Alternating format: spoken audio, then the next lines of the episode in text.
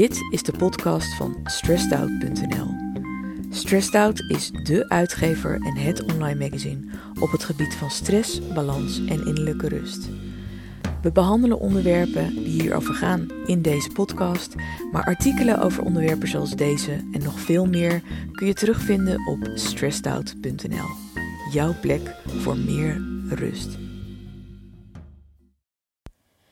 Dit is Maaike Helmer met de podcast van Stressed Out. Ik zal me weer eventjes kort voorstellen. Ik ben Maaike Helmer, oprichter van Stressed Out. Ehm, en ik heb het boek Niets geschreven over het vinden van meer innerlijke rust. Vandaag wil ik het met je hebben over uh, onzichtbaar ziek zijn. Ping! Ik wil, ik wil even een aanvulling doen uh, dat uh, burn-out natuurlijk ook een onzichtbare aandoening is. En hoewel je meestal wel uit een burn-out komt, um, is het wel gewoon ontzettend vervelend dat je het niet ziet. Um, en daarom wilde ik dat even ook zeggen. Gaat nu weer verder met de podcast. Uh, zelf ben ik onzichtbaar ziek. Ik heb zelfs twee onzichtbare ziektes. Ik heb diabetes type 1 en ik heb ME slash CVS. Dat is ook wel bekend als het chronisch vermoeidheidssyndroom. Um, en uh, ja, ze zijn allebei onzichtbaar. En dat is best wel handig en onhandig tegelijk. Um, ik zal even uitleggen wat er handig aan is. Of handig. Ziek zijn is natuurlijk nooit handig. Um, maar uh, het is ergens wel handig dat je het niet ziet. Um, want mensen hoeven dus niet per se te weten dat je een aandoening of ziekte hebt. Uh, als je bijvoorbeeld uh, uh, ja, iets hebt wat wel zichtbaar is, ja, dan, dan word je daar de hele tijd mee geconfronteerd dat mensen het zien. En er naar vragen en je dingen uit moet leggen. En daar heb je soms gewoon helemaal geen zin in. Um, nou is het zo dat bij mijn diabetes type 1 ik in zekere zin ook weer wel zichtbaar ziek ben. Want ik heb een insulinepomp, ik heb een sensor en ik heb een bloedglucosemeter die ik regelmatig uit mijn tas trek omdat ik uh, moet meten. En uh, ja, dat, daar heb ik soms, nou ik heb er geen last van, helemaal niet eigenlijk, want ik vind het prima om het allemaal uit te leggen. Maar um, als je bijvoorbeeld op het strand loopt of iets dergelijks, dan zie je mensen wel kijken. En soms is dat wel, ja, heb je daar heb je daar gewoon niet zo'n zin in, want dan word je door de blikken van anderen eigenlijk eraan herinnerd dat je ziek bent. Um, aan de andere kant is het dan wel meteen duidelijk, want uh, dan hoef je een stuk minder uit te leggen dan als je iets hebt wat onzichtbaar is. Um, en over dat laatste gesproken, ik heb uh, dus ook uh, ME-CVS. Uh, daardoor heb ik uh, één keer in zoveel tijd word ik heel erg ziek. Ik heb best wel vaak spierpijn. Ik ben regelmatig heel erg moe. Ik heb niet zoveel energie als anderen. En um, ja, als ik dan ziek word, dat, dat zie ik meestal een klein beetje aankomen, maar vaak ook niet. Dan, uh, dan ben ik een week wel echt behoorlijk uitgeschakeld. en ik moet zeggen dat ik me heel lang heb verzet tegen ME-CVS. Um, en de reden daarvoor is, ik heb het al vanaf mijn vijftiende. Ik uh, kreeg toen um, het Epstein-Barr-virus. Dat is een, uh, een, een, broertje of zusje van uh, de ziekte van Pfeiffer. Epstein-Barr is nog steeds in, mijn, in mijn bloed te zien. Um, en daarna heb ik eigenlijk altijd last gehad van chronische vermoeidheid. Nou heb ik daar ook altijd wel omheen weten te manoeuvreren in zekere zin. Uh, bijvoorbeeld toen ik internationaal model was, toen had ik het ook.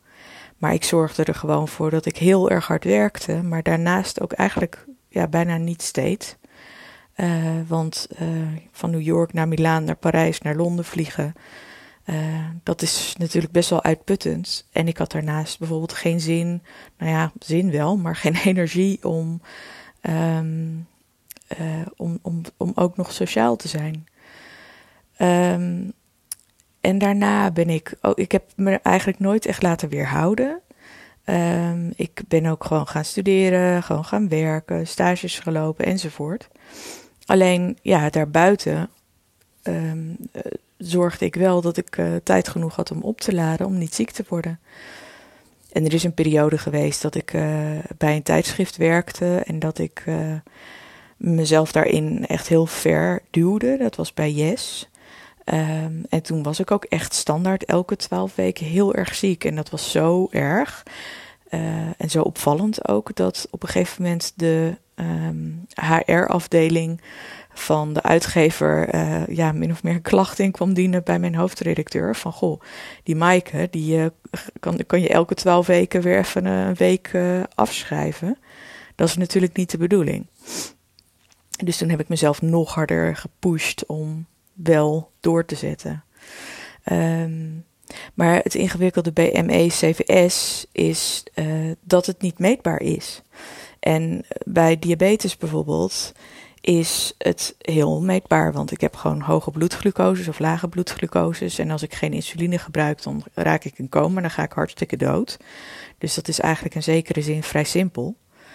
Um, maar bij ME-CVS dacht ik, ja, weet je, het is niet meetbaar.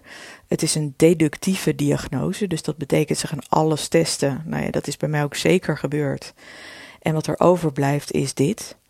Um, dus omdat ik erg graag bewijzen zie voor dingen. Ja, ik ben en blijf toch een journalist. Vond ik het bijna niet te, te behappen of te begrijpen of te, te verwerken dat ik iets had wat je niet kon zien en wat niet meetbaar was en waarbij een deductieve diagnose um, was. Dus heel lang, en dit is een heel erg contradictie, maar heel lang heb ik niet geloofd in dat ik ziek was. Dus ik zag het bewijs er zelf eigenlijk in wezen wel van, want je kon er de klok op gelijk zetten dat ik één keer in de zoveel tijd ziek werd. Uh, maar dat vond ik dan aanstellerij en dat probeerde ik dan te verbergen voor iedereen, maar zelfs ook een beetje voor mezelf. Um, ik wilde gewoon niet weten dat ik dit had en um, dat heeft het heel lang heel moeilijk gemaakt. En ik moet zeggen dat zelfs inderdaad de diagnose van mijn internist, nadat alles wat er bestaat zo ongeveer getest was, mij daar niet in geruststelde. Ik dacht, oké, ik heb ME-CVS, maar ja, hij zegt het ook omdat hij niet beter weet. En dat, ja, uiteindelijk, uh, ongeveer, nou wat zal het zijn, een, jaar geleden of twee jaar geleden misschien, is uh, ME-CVS opgenomen in, uh, door de World Health Organization, is het erkend als een multisysteemziekte. En dit is natuurlijk best wel apart, maar toen dacht ik van oké, de World Health Organization erkent dat het een ziekte is, dus het is een ziekte. En nog steeds wilde ik eigenlijk het liefst onomstotelijk bewijs. Uh, voordat ik ziek was. Want ja, misschien uh, stelde ik me toch wel aan en misschien, uh, ja, weet je wel, nogmaals, niet meetbaar.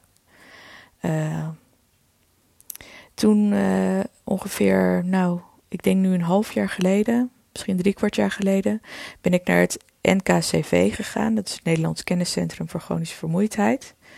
En um, daar doen ze testen. Uh, en dan krijg je een soort, een, volgens mij was het een actometer heet het. En die moet je twee weken om je been houden. En dan kijken ze naar hoe je met uh, inspanning en ontspanning uh, omgaat. Je krijgt tig vragenlijsten. Echt gek, gekmakend veel. Um, ook om te testen of je inderdaad het systeem niet belazert enzovoort. Um, en, en op basis daarvan komen ze dan uiteindelijk al dan niet tot een conclusie of je chronisch vermoeid bent. En bij mij was het, ja, klassiek beeld. Ze zeiden van ja, dit is echt al, alles op het lijstje klopt. Je hebt inderdaad ME-CVS. Nu is het zo dat ze bij het NKCV daar een cognitieve gedragstherapiebehandeling uh, bij voorstellen. Uh, en die is niet onomstreden, want uh, sommige mensen die verbeteren aanzienlijk daardoor en andere mensen die verslechteren juist. Ja, en het, het um, ja, de dingen die in die cognitieve gedragstherapie voorkwamen, uh, namelijk het uh, dingen als het accepteren dat je een aandoening hebt, maar het niet te zwaar opnemen, um, uh, ook be bewegen, dat je dat wel gaat doen, dat soort dingen. dat waren allemaal dingen die ik ook al had gedaan. Ehm, en ja, ik zag er dus eigenlijk persoonlijk de meerwaarde niet van in. Helemaal omdat het niet onomstreden was. Uh, en ja, ik, de manier waarop ik me nu voel, daarvan weet ik hoe ik er mee om moet gaan. Um, maar zieker dan dit, dat zou ik echt absoluut niet willen. Um, wat, ingewik wat ik ingewikkeld vind zelf aan onzichtbaar ziek zijn, met name is je omgeving. En uh, je moet het dus vaak uitleggen. En soms, uh, omdat het niet zichtbaar is, is dat best wel ingewikkeld. Um, nou, laat ik een goed voorbeeld geven. Afgelopen zaterdag um, moest ik naar de Action. En uh, mijn insulinepomp de denkt deels voor mij, maar die kan niet altijd alles opvangen. En wat er gebeurde was dat ik een, een dalende bloedsuiker had, die voor mijn gevoel uit het niks kwam. Want heel lang die dag zat ik eigenlijk best wel hoog en was er niet zoveel aan de hand. Nou, best wel hoog, als in wel normaal. En um, ik zat in de action en opeens ging die van, ja, ik zal even uitleggen, je bloedglucose moet tussen de 5 en de 8 zijn, tussen de 4 en de 8, zoiets. En opeens ging die, hij, hij zat op 10, dus dat was een beetje aan de hoge kant, maar niet heel hoog. Alles boven de 15 vind ik hoog. En uh, opeens ging die van 6,8 naar 5,8, van 5,8 naar 4,8, van 4,8 naar 4,3 en van uh, 4,3 naar 3,8. En. En dat ging echt binnen nou, nog, nog geen 10 minuten. Dat is echt heel snel. En het bleef maar dalen. En dat kon ik zien aan een pijltje op mijn insulinepomp. Die ging namelijk naar beneden. En alles onder de 3 wordt levensgevaarlijk. Dan kan je namelijk in coma raken. En ik merkte ook dat ik steeds minder goed kon nadenken. Uh, en dat wil je niet midden in de action. Dus dat was echt behoorlijk beangstigend. Op een gegeven moment heb ik een krukje gepakt. Daar ben ik op gaan zitten. Um, in de hoop dat het niemand op zou vallen dat ik op een krukje van de action, wat eigenlijk ter verkoop was, was gaan zitten. Dus ik deed eigenlijk gewoon alsof ik uh, op iemand aan het wachten was. Wat op zich al best wel veel energie kostte. Want ja, probeer maar een soort van te doen alsof je um, op iemand aan het wachten bent terwijl je eigenlijk heel ziek voelt. Nou zou je zeggen, nou, Maaike, waarom laat je niet gewoon zien dat je ziek bent? Durf je niet kwetsbaar op te stellen? Um, jawel, dat zou ik wel durven. Alleen het probleem is dat op het moment dat je je zo kwetsbaar en, en bang voelt, um, uh, kost het geruststellen van andere mensen mij nog veel meer energie dan me groot houden.